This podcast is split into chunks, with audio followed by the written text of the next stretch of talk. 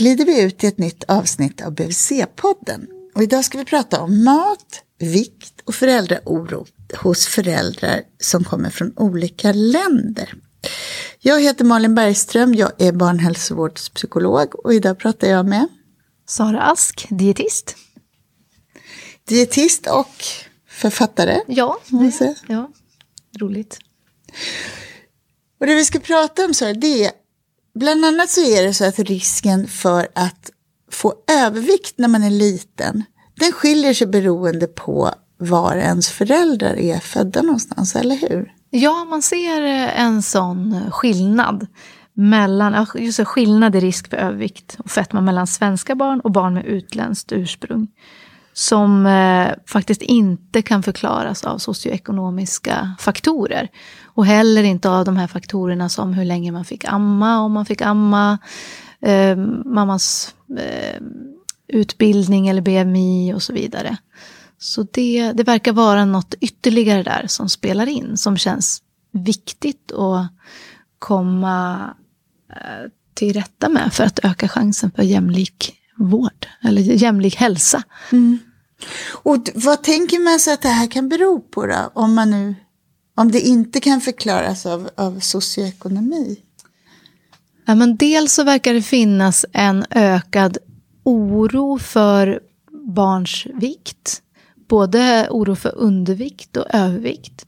Och den i sin tur kan påverka, för man har också sett i eh, studier från Sverige så har man sett att beteendet, föräldrars beteende, eller man tittar framförallt på mammors beteende, för man ser att det, mammans ursprung är viktigare i det här fallet än pappans ursprung. Eh, och då ser man att beteendet kan också variera mellan mammor beroende på var man är född någonstans. Eh, där man ser en ökad förekomst av så viljan att kanske få barnet att äta mer. Eller faktiskt att försöka få barnet att äta mindre. Eh, att det, det beteendet är vanligare hos mammor som är födda utanför Europa. Så då har det att göra med någonting som jag har med mig från min egen barndom ja, kanske? Ja. Hur man beter sig när man ska Exakt. lära, visa barn ja. hur man käkar och så. Exakt. Och vad är det där för beteende som du beskriver då? Eh, ja, när man tittar i, i forskningsstudier så, så kan det benämnas som pressure to eat. Och det kan ju vara olika saker förstås, men att på olika sätt försöka liksom, truga eller med olika trick. Jag menar, det är det ju många som har för sig. För det är ju viktigt att säga också, att det här är ju på, på um, befolkningsnivå som vi pratar, inte på individnivå. Så det innebär ju inte att alla från andra länder gör på det här sättet. Och eh, det innebär ju heller inte att det här är sätt att lära barn äta på som, som man eh, aldrig ser bland svenskfödda föräldrar, såklart. Eh, men jag tror ju, om jag ser till min erfarenhet av de föräldrar som jag har stött på, och då framförallt, det har ju varit väldigt tydligt, eh, framförallt mammor som jag har träffat, så, så har eh, jag sett allting från små försiktiga knep, att få barnet att äta mer, till faktiskt ren tvångsmatning som har gjorts utan egentligen att tänka att det är någonting man har gjort som man borde vara tyst om, utan det har liksom beskrivits för mig ganska, eh, vad ska man säga, ganska, på ganska, jag hittar inte riktigt något ord, men ja, rakt upp och ner sådär. Mm. Eh, och då ligger någon slags tanke bakom det här om att barn att barn inte själva har en lust till mat och det är den jag stöttar utan det här är mitt ansvar som förälder att jag ser till att barnet äter det som jag ja, vill att den ska äta. Liksom. Precis, det, det är så som jag tolkar det i alla fall. Att eh, man ju i allra högsta grad vill barnets bästa och då tänker man jag kan bara spekulera och då tänker jag att eh, i viss mån så måste det ju ha att göra med, eller måste det kanske inte då, men om jag spekulerar, att det kan ha att göra med att har man sett barn till exempel eh, i, i, sitt liv, om man har erfarenhet av att, att barn som är lite knubbigare klarar en diarréperiod bättre till exempel, om man inte har tillgång till adekvat sjukvård eller om man har hört sina föräldrar berätta om barn som har svultit eller man kanske har sett det själv. Ehm, den, det borde ju vara någonting som påverkar vad man sen tycker är lagom vikt för ett barn. Mm. Jag tittade på förmiddagen tillsammans med Kersti Bergqvist som jag jobbar tillsammans med på data från barn på BVC här i Stockholm nu, treåriga barn. Och då såg jag att var femte förälder har sagt att de är oroliga för eller har funderingar kring barnens aptit och barnens, hur barnen äter när de är tre år. Och bland föräldrar som var födda i ett annat land än Sverige så var det 30 procent. Det var liksom en väldigt stor skillnad. Och när jag sen tittade lite djupare vad det handlade om så var det väldigt sällan så att det var övervikt man var orolig för utan det var liksom markant ökad eh, risk att man var orolig just för att barnet var underviktigt ja. om man inte var född i Sverige. Ja. Så det, det tänker jag att det kanske är något sånt där kulturellt eller någonting som man har med sig. Att, som du säger, att man har erfarenhet av barn som har vägt för lite och inte ja. klarat jobbiga ja. perioder. Jag tänker att det kan spela in i alla fall. Och sen också vad, vad anses eh, i den kultur som man kommer ifrån, vad anses vara lagom vikt? Eh, är det så att det, jag spekulerar vidare, liksom, är det så att, eh, att eh, det att det indikerar välmående och välstånd om man väger mycket till exempel. Kan det finnas liksom någonting fint med det på det sättet? Att det är laddat med, med andra, alltså med fler eh, faktorer än vad det kanske är för oss. Jag vet inte om sånt kan spela in. Kan det också finnas genetiska risker? Ja, alltså det, de här eh, olika forskarna som jag har läst studier från har eh, lyft det också. Man ser till exempel, då nämner de eh, kunskap om adoptivbarn från Chile. Eh, där man då kan se att de väger, de ökar, de har en högre risk för övervikt än de svenska familjernas biologiska barn. I samma familj? I samma liksom. familj, ja. Och då tror man ju, eftersom de lever i samma matmiljö då, så tror man att, de, att det kan vara något genetiskt som ligger bakom att de löper ökad risk för övervikt. Så det finns flera delar i det här, Absolut. både hur man som förälder ja. ser på barns vikt och Exakt. vad barnen har med sig. Ja. Jo, du sa Sara att du, man kunde ha pressure to eat, tvingande beteende vid matbordet. Liksom. Kan du säga någonting mer om det? Alltså, som jag tolkar det så, så behöver det ju inte vara eh, tvingande i en liksom egentligen otäck bemärkelse, utan det kan vara allt från trick att få barnet att äta mer också, sådana trick som jag tror att många, oavsett härkomst, ägnar sig åt. Ja, men precis, den där typen av trick. Och då, då lyfter man också att eh, man ser ju en ökad förekomst kanske av stress och psykisk ohälsa i de här grupperna av föräldrar. Alltså som, särskilt om man har eh, jobbiga erfarenheter i bagaget och så vidare. Och att det också skulle kunna förklara att man kanske har svårare att att liksom ta in och vara lyhörd för, för vad barnet har för behov i måltidssituationen. Att det kanske är lätt att man försöker att och um, ge mer. Eller som sagt att det faktiskt också förekommer att man ser en ökad förekomst av det här att man försöker vara restriktiv om man faktiskt är orolig för att barnet får i sig för mycket också. Att man ser båda dem. Både oro för, för barns eh, undervikt, och, eh, eller oro för barns vikt åt båda hållen. Både för att barnen ska väga för lite och för mycket är det vanligare att man har om man kommer från om länder man, utanför Sverige. Om man behöver ställa frågor kring det här eh, med hur man gör i måltidssituationen. Så om jag tänker om det är en viktig faktor som spelar mm. roll om man på BUC ser en viktkurva som pekar åt ett håll som man inte gillar. Mm. Hur kan man fråga om det då? Eh, jag tycker om så öppna frågor som möjligt. Eh, för att eh, det går ju ofta till på så väldigt många olika sätt när man äter. Jag vet det är så lätt att föreställa sig att ja, men då sätter man sig vid bordet när klockan är sex, så tar man fram grytan och så börjar man äta. Men det där varierar ju väldigt mycket, så att man har så öppna frågor som möjligt. Och eh, att man inte är rädd, tänker jag, att fråga, händer det att du blir orolig, händer det att du tvingar ditt barn att äta? Att man är väldigt, att man visar liksom att jag vill veta hur situationen ser ut. Och eh, det vill jag av all välmening, inte för att jag ska sätta dit dig om du svarar fel, utan jag vill lotsa dig så att det blir så bra som möjligt. Eh, tänker jag. Och sen att man, eh, att det är bra, jag tycker att jag har träffat väldigt, alltså småätande tycker jag är vanligt i alla möjliga olika sammanhang när man pratar om barn, små barn, särskilt om det är barn där föräldrarna är oroliga för att de får i sig för lite och så vidare. Men då sticker man kanske hellre till. Eh, men just det här att ställa frågor kring Finns det skålar med nötter, torkad frukt, frukt? Finns det annat som barnet kan ta mellan måltiderna som kanske gör att barnet när det är väl dags att äta inte egentligen är hungrig? Så att man hamnar också i en situation där, där barnet kanske inte vill ha maten och så föräldern är orolig för att barnet inte vill ha maten, kanske inte tänker på att det barnet har ätit innan mättar och så vidare. Så de här vanliga råden kring samspelet. Och vad är de då, Sara? Ja, men jag tänker att sätta ett hungrigt barn vid bordet så att barnet eh, så att det har hunnit gå två, tre timmar mellan eh, från det att barnet åt senast tills det är dags att äta. Att tänka att det är jag som förälder som bestämmer vad och när som, serverar, eh, som ställs på bordet.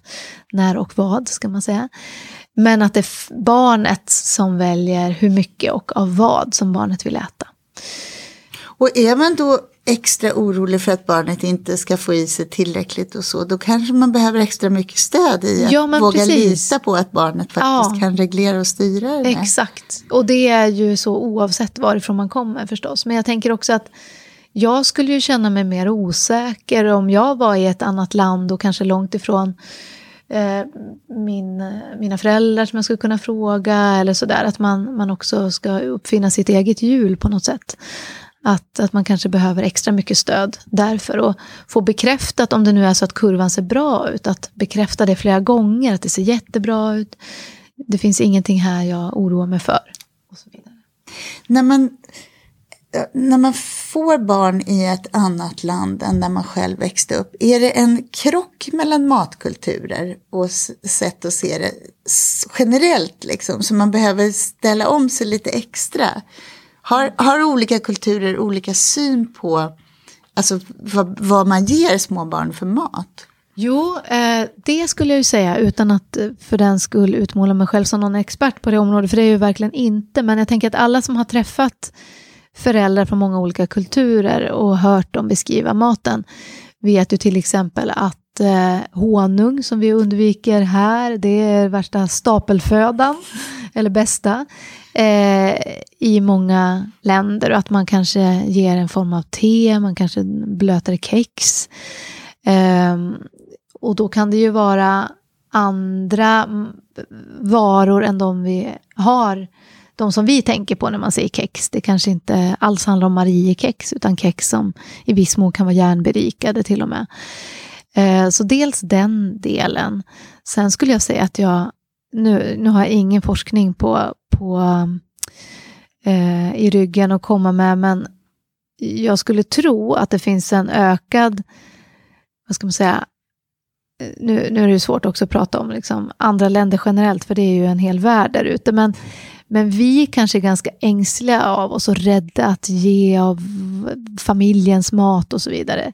Jag skulle tro att det är svårt att toppa den ängsligheten som vi har här.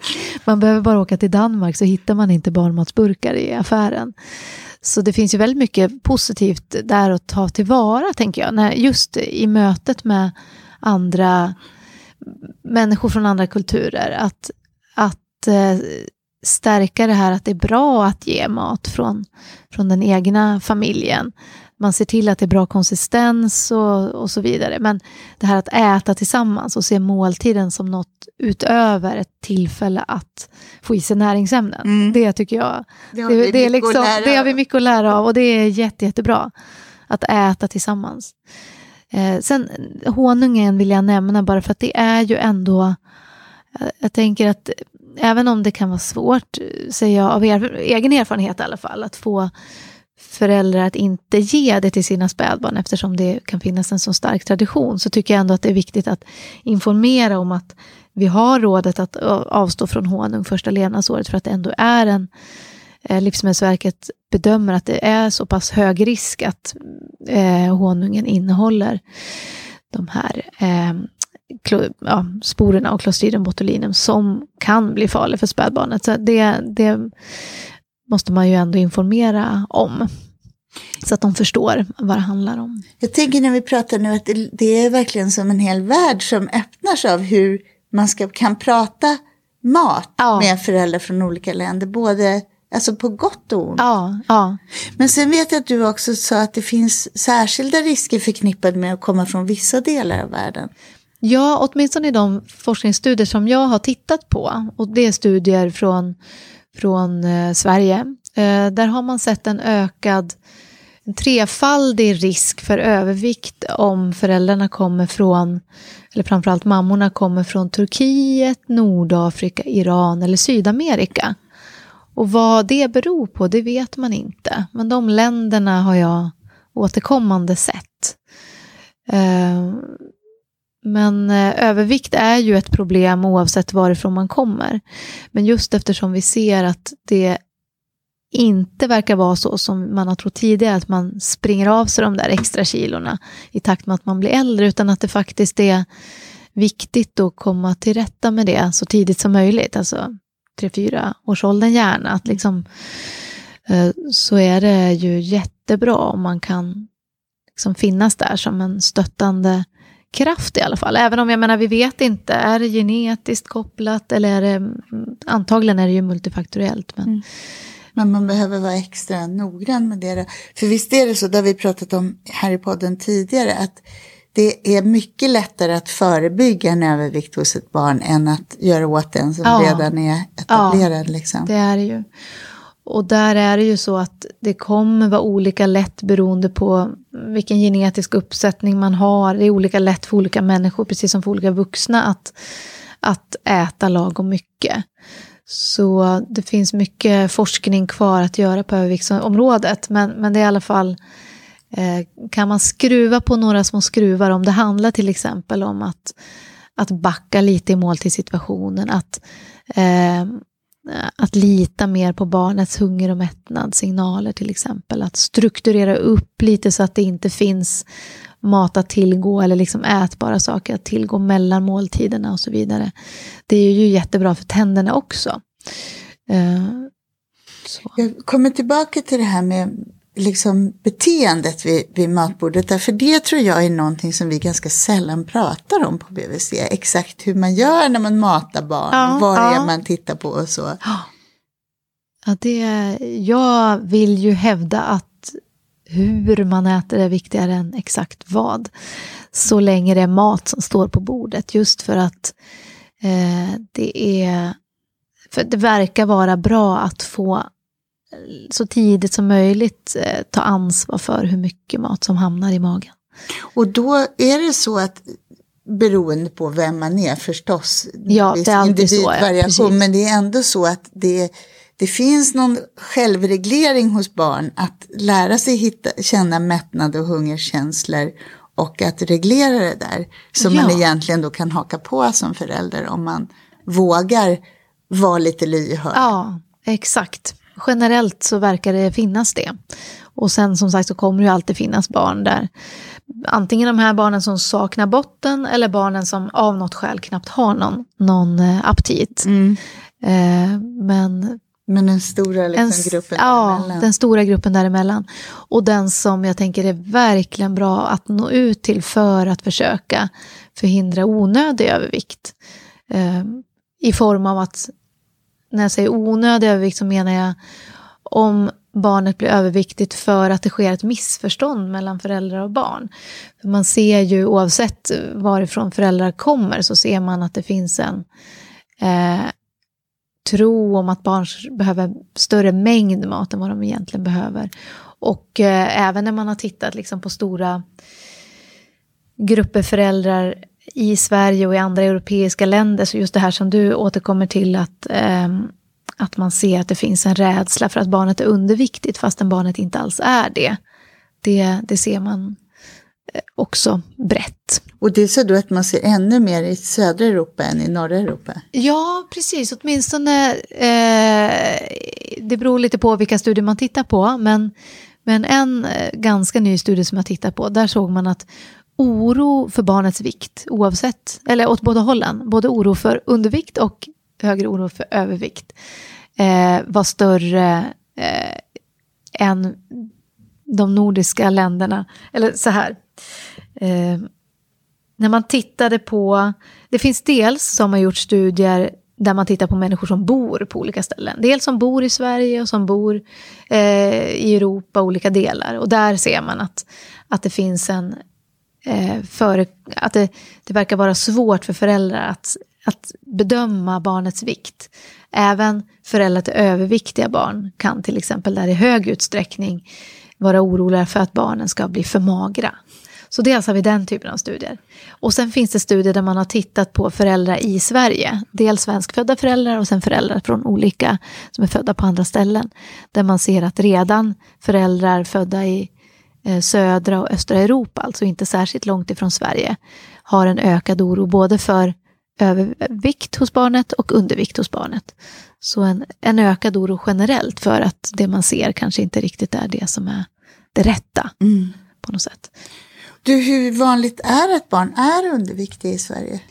Om man tänker ja, på BVC-åldern. Det är en bra fråga. Jag har inte någon siffra på det. Jag har bara siffran åt andra hållet, eller siffran från fyraåringar i Stockholm, där man ser att eh, genomsnitt eh, någonstans 10 procent eh, har övervikt eller eh, obesitas. Men undervikt har jag inte någon siffra på, tyvärr. Men du tror inte att det riktigt korresponderar till de här 20 procenten som är oroliga för det? Nej, jag har svårt att se det. Jag har svårt att se det. Mm. Uh, tror du att man kan göra någonting, om man tänker att det där är så utspritt ändå, då, särskilt i föräldrar som kommer från olika länder, kan man göra någonting ännu tidigare på BVC? Jag tänker redan innan barnet eh, får mat i annan form än att de får flaska eller bröstet? Uh, ja, men jag tänker jag har varit i kontakt med en del av BHV-sköterskorna i norrort som jobbar, det är möjligt att man gör det på flera olika ställen, det är jag eh, inte medveten om, men där man jobbar med hembesök, ökade resurser för hembesök tidigt. Och det tror jag är superbra. För i hemmet så är det mycket lättare också. Vad är det ni ger? Vad, hur ser det ut? Aha, så ser det ut. Och var sitter ni någonstans? Jaha, men visa. Det är en helt annan... Jag, jag tycker själv att hembesök har varit en sån här riktig aha-upplevelse där man möter eh, föräldrarna och barnet på ett helt annat sätt. Och att det, ja, men det är bra också för att få en känsla för livsmedelsval och, och, och liksom, ja, allt möjligt. För då, jag tyckte det var så intressant du sa att du, jag är mer intresserad av hur man mm. äter än vad man äter egentligen. Och det ja. tror jag går väldigt på tvärs mot mycket av den rådgivning som vi ger kring barn och mat. Ja, det går nog mycket på tvärs åtminstone med det som föräldrar vill höra, mm. tror jag. Jag har en känsla av att många vill veta, liksom, men hur många matskedar av den här gröten behöver jag ge för att det ska räknas som ett måltid till exempel. Mm. För att man kanske är ganska koncentrerad på varje... Ja, men man, man fokuserar ganska mycket, tror jag, på varje... Eh, liksom, man skulle behöva ta ett lite högre perspektiv än det här väldigt nära perspektivet. Och då tänker jag också på den forskning som Gerd eh, Almqvist Tangen har gjort, där hon har, jag har ju pratat om den förut, tror jag, men jag tycker den är så slående, den här där hon har ställt frågan till föräldrar från alla möjliga olika ställen, men framförallt från Sverige, tänker jag, för att hon har ju varit på BVC i Sverige och frågat vad är hälsa för ditt barn? Och där de allra flesta svarar att mitt barn äter. Att det är ju en sån här otrolig liksom, markör. Eh, och eh, om det nu är så att man, vilket en hel del forskning visar, om det är nog så att man har större oro om man kommer från andra länder så tänker jag att det kan också spegla eh, om vi har mindre oro, vi som är födda här, så kan det ju ha att göra med att vi har haft det väldigt bra här väldigt länge. Vi har liksom, eh, både vi och våra föräldrar har varit i BVC och det har funnits liksom skolmat i flera decennium och vi har aldrig svultit. Och vi säger jag, det finns ju såklart eh, eh, undantag, men som land på mm. befolkningsnivå så har vi ju haft det väldigt bra jämfört med många andra. Men någonstans sitter jag och tänker när man, ja men vad är det egentligen vi pratar om? Det är att det vi vill uppmuntra hos föräldrar, det är att de ska precis som egentligen det är psykologiskt när man bygger en relation till sitt barn. Vi vill att de ska, man ska luta sig lite tillbaka och titta på, jaha, vad är det hon äter? När slutar ja. hon äta? När börjar ja. hon? Vad är det hon föredrar? Hur mycket petar hon i sig? Och så. Snarare än att tänka att det här är något som är mitt ansvar och något som jag ska ja. åstadkomma. Liksom. Det behöver vi jobba med. Den där blicken, den där lilla nyfikna, intresserade blicken, den behöver vi jobba med tidigt. Exakt. Det, det ansvaret är ju att man ställer mat på bordet och att man själv äter och är den här förebilden. Eh, men att man vågar precis luta sig tillbaka lite och se det här barnet. Och framförallt, jag brukar ju ofta säga så här att, att se mer på ansiktena på barnen än på tallriken. För det är ju en sån då kanske man också vågar, eller liksom ha större chans att se hur barnet eh, verkar må. Och, och, de här, och om barnet verkar må bra, att, att våga lita på det också. Eh, och sen så är det ju naturligtvis så att det är viktigt att få i sig järn och kalcium och D-vitamin och allt möjligt sånt. Men eh, ställer man mat på bordet så brukar det bli väldigt bra i slutändan. Och då, är ju, då, då kan jag ju flika in den här grejen att man kan ju behöva prata om gränssättning med alla möjliga föräldrar också. Eh, just det här påminna om att man kan visa, eller liksom påminna om att gränssättning är ett sätt att visa kärlek på för att de allra flesta barn Eh, om det finns mycket tillgång till sötsaker och sånt så kommer de allra flesta barn vilja ha väldigt mycket sånt. Det är, liksom, det är ett faktum. Så Inte alla men många. Så med gränssättning menar du att, man, att jag är noga med att jag ger godis och sötsaker ibland och det är mitt ansvar. Men jag ger inte när barnet vill. Liksom. Det är Exakt, inte det som att, att eh, barnet inte dikterar menyn eh, utan att du dikterar menyn. Fast förstås lyhörd gentemot barnet.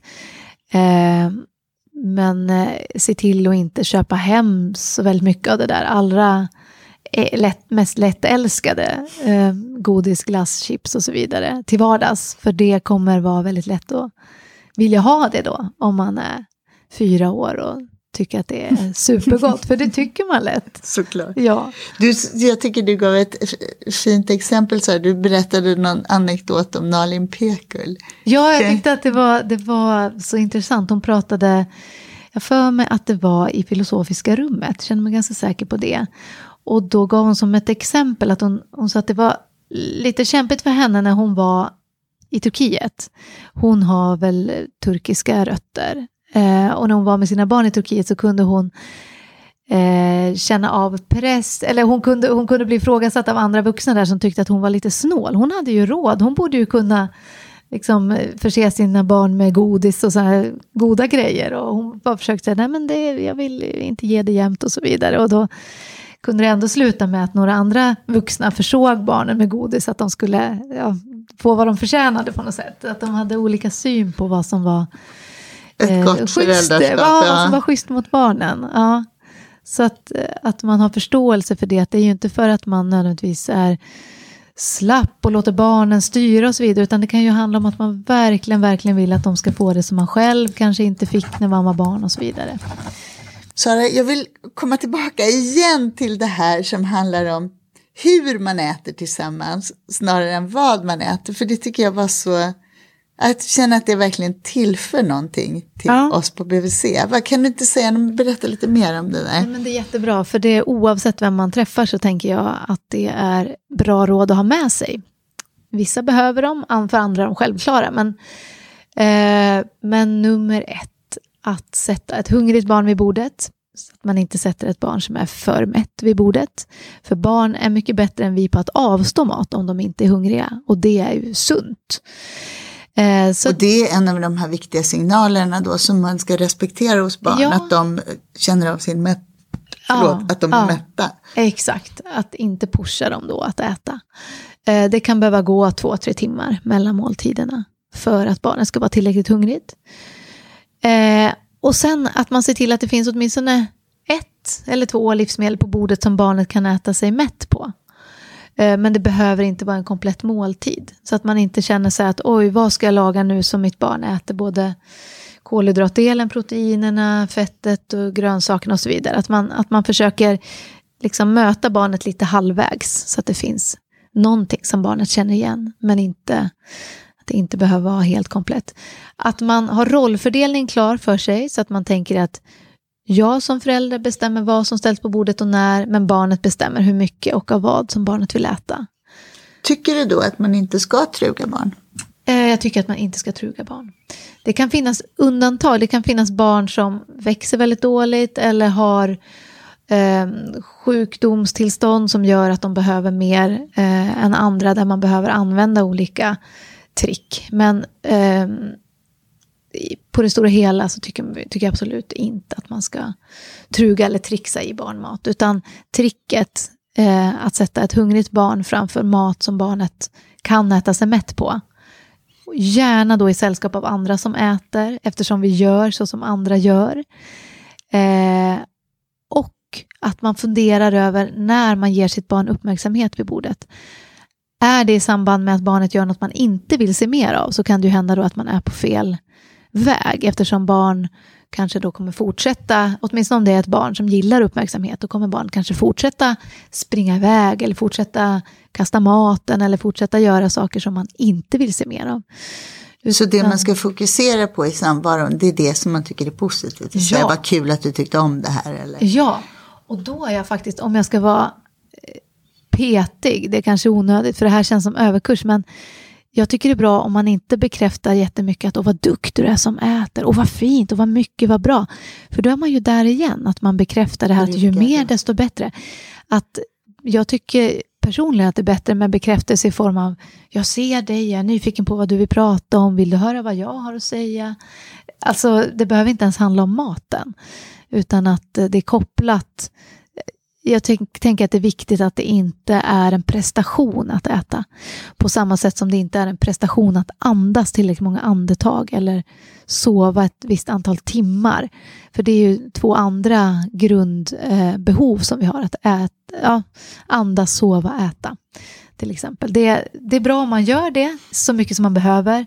Men varken mer eller mindre. Men fokus är på det sociala? Fokus på det sociala. Det blir ju och jag brukar säga att det är bra att vara lite egoistisk och liksom fundera över vad ens egen mat smakar och vad man vill ha på sin tallrik och så vidare.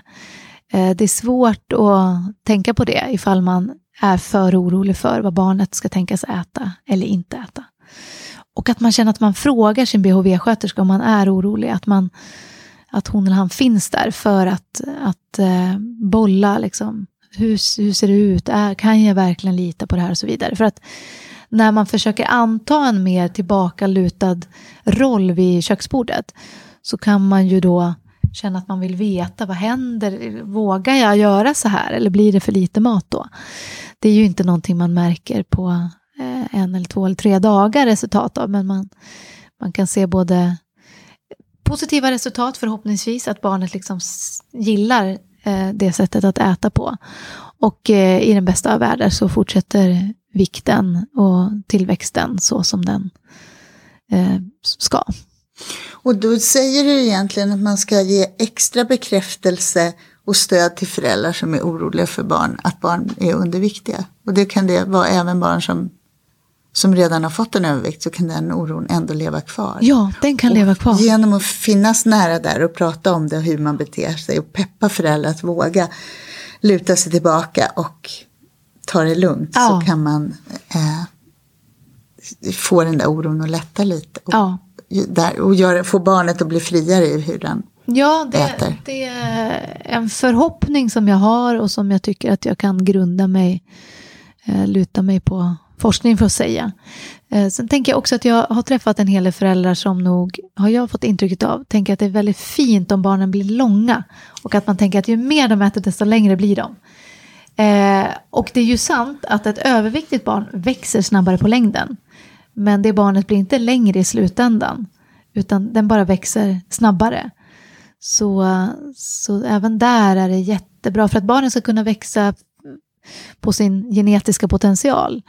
Eh, då, då är det ju bra om barnet får lagom mycket mat, inte för mycket. Är det någonting annat som vi borde säga som jag missar? Sara? Eh, nej men jag, jag tror inte att det är det. Det här är ju ett jättespännande ämne tycker jag. Och eh, de som skriver om det och forskar på det återkommer ju hela tiden att det här behöver vi veta mer om. Eh, för att kunna ge råd tidigt och för att veta vad vi ska göra. Eh, och jag kan ju, det bör ju vara självklart hos alla BHV-sköterskor tänker jag, men jag, jag säger det ändå med en fas att det här, till exempel risken för att barn ska bli överviktiga, det är ju hälsomässiga risker som, som jag pratar om, inte estetiska risker eller något sånt, utan eh, för att man ju ser att det är kopplat till många andra folksjukdomar. Så, och vi vill ju uppnå så jämlik hälsa som möjligt hos hela befolkningen. Så jag hoppas att vi kommer få se mer klok forskning på det här så att vi ja, kommer närmare jämlikheten. Vad fint. Då glider vi ut från den här podden. Tack Sara. Tack så mycket.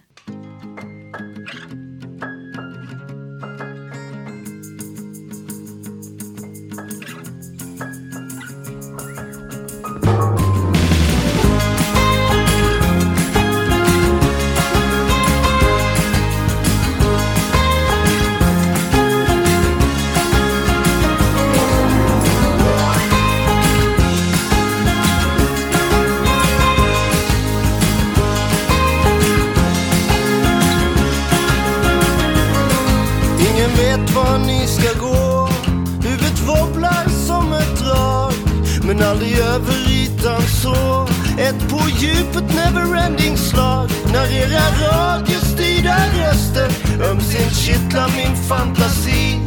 Flipper spelas sönder impulserna för mitt självbedrägeri. När ni skjuter ut i natten finns det inget av mig kvar. Alla döda ögonskratten bara vakten minns vem som var. När ni cementerar kvällen är det utan min frenesi. Somnade till Nellen. vaknar aldrig mer till liv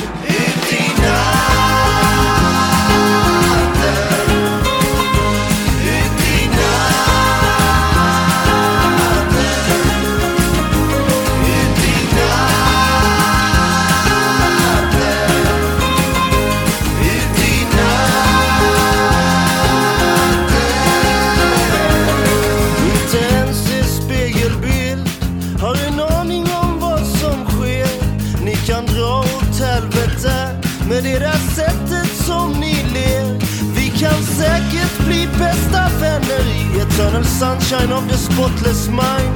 Men inte riktigt när du bara älskar mig Genom rök och vodka lime. När ni skjuter ute i natten Finns det inget av mig kvar.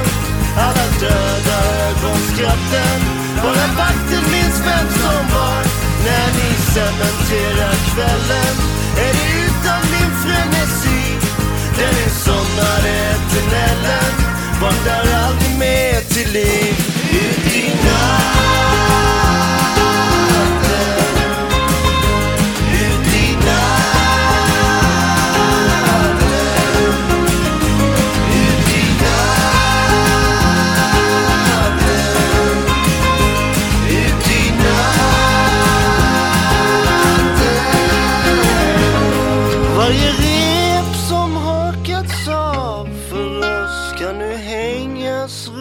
min hals.